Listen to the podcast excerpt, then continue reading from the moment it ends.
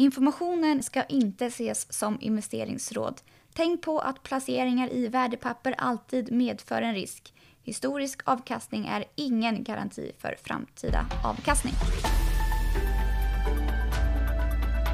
God morgon från Paretodesken måndagen den 28 september. Idag ska vi prata marknadsrörelser och sen ska vi prata om våra bästa small cap case.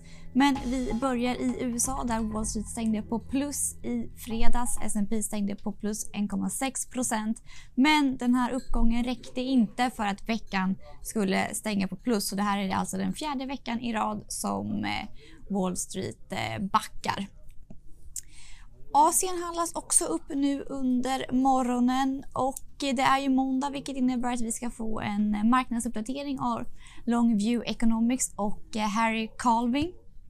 Good morning, Harry. How is the market doing? Well, I think markets are trying to find a floor. Rally on Friday was pretty sharp. We rallied through the session, we rallied into the close. So price action was reasonably strong. Uh, global equities held and rallied from their 50 day moving average, which was quite encouraging. Um, and a number of our technical and risk appetite models uh, have been on buy in recent trading days. So I think we're pretty nicely set up for an ongoing bounce uh, in equity markets over coming weeks. And we saw last week that the market was up one day, down one day. Do you think we will have the same volatility this week? Yeah, I mean, we may well have quite choppy trading. I think at some stage volatility is going to start dying down a little bit, and we and we probably start to rally and recover from the sell-off that's really been dominating most of September, and then we resume the uptrend in equity markets. you know, there's plenty of liquidity around. The outlook for the US and global economy is really quite strong. I suspect this is just a classic sell-off within an uptrend, and it's a buying opportunity. Yeah, and for this week, what's the agenda? Well, there's lots going on. Out of Europe, I would say the interesting data point will be inflation. We get the CPI uh, read for September for a bunch of countries. So Germany's tomorrow, France is on Wednesday. We get the Eurozone wide uh, number coming out on Friday. And you'll remember the core number hit a record low in August. So what we get in September will be interesting to see, especially given those comments by Visco yesterday, the Italian central bank governor. He sits on the governing council. He basically said that the strong euro and the deflationary impulse uh, is something the ECB may well need to respond to. So that'll that'll be interesting out of Europe. Um, and then there's plenty going on out of out of the US. We get the first presidential debate on this is tomorrow between Trump and Biden. So that'll be closely watched. Of course, commentators say that debates rarely determine election outcomes, um, but it'll be interesting nonetheless. Um, and we get a bunch of speeches from uh, various Fed presidents, Williams, Clarida, uh, Kashkari, Harker, a number of speeches which will be interesting. We get a little bit of an update on the consumer this week. So um, you know we get some confidence numbers and, and, and, we get personal income and spending so that'll be that'll be watched quite closely as well as vehicle sales really the main event will be adp employment on wednesday and non-farm payrolls um, on friday. We also get ism manufacturing. So there's a lot of quite big data points coming out of the us this week and that'll be watched quite closely. Mm. okay perfect. Have a good week harry. Brilliant. Thank you. Thanks Ja, tack så mycket Longview Economics. Här i Sverige så väntas Stockholmsbörsen också få en positiv start på veckan.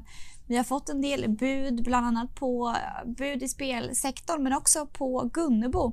Altor och Stena Adactum lägger bud på bolaget och budet är 25 kronor aktien vilket innebär en budpremie på 33% om man ser till stängningskursen i fredags och en budpremie på 32% om man drar ut det till ett genomsnittlig handelskurs de senaste tio dagarna.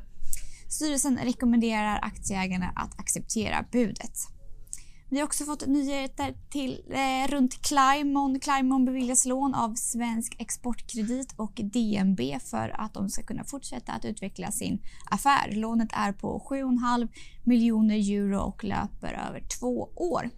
Och så har vi uppdaterat vår small cap-portfölj. Vi har ju en portfölj som heter Selected Small Caps där vi samlar våra bästa investeringscase för småbolag på lite längre sikt. Denna månad tar vi bort Cibus och adderar Clean Air. Stefan, vilka bolag är det som ingår i portföljen nu då? Ja precis, portföljen, vi släppte ju den för första gången den första oktober förra året så att den fyller ett år. Mm. Eh, och eh, vi vill eh, gärna påpeka att den har haft en väldigt bra performance. Den är upp 56 procent eh, och eh, deras mest relevanta benchmark, Carnegie Small Cap, är upp 25 procent. Så det är en ordentlig outperformance som vi har fått där.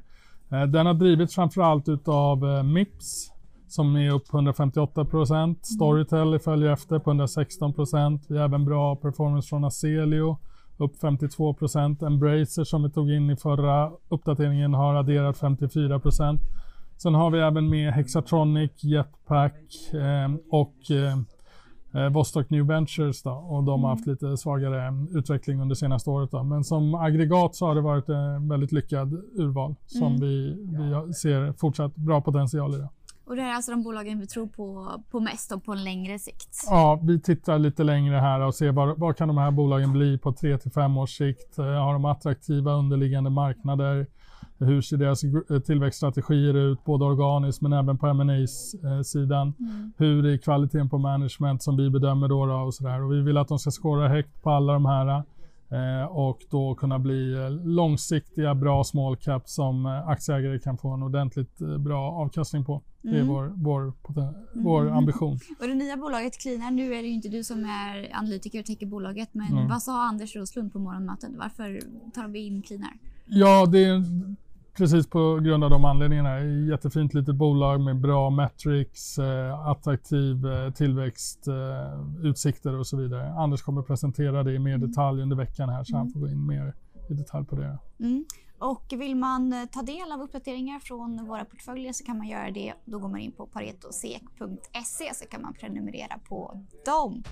Tack så mycket. Vi är tillbaka igen imorgon.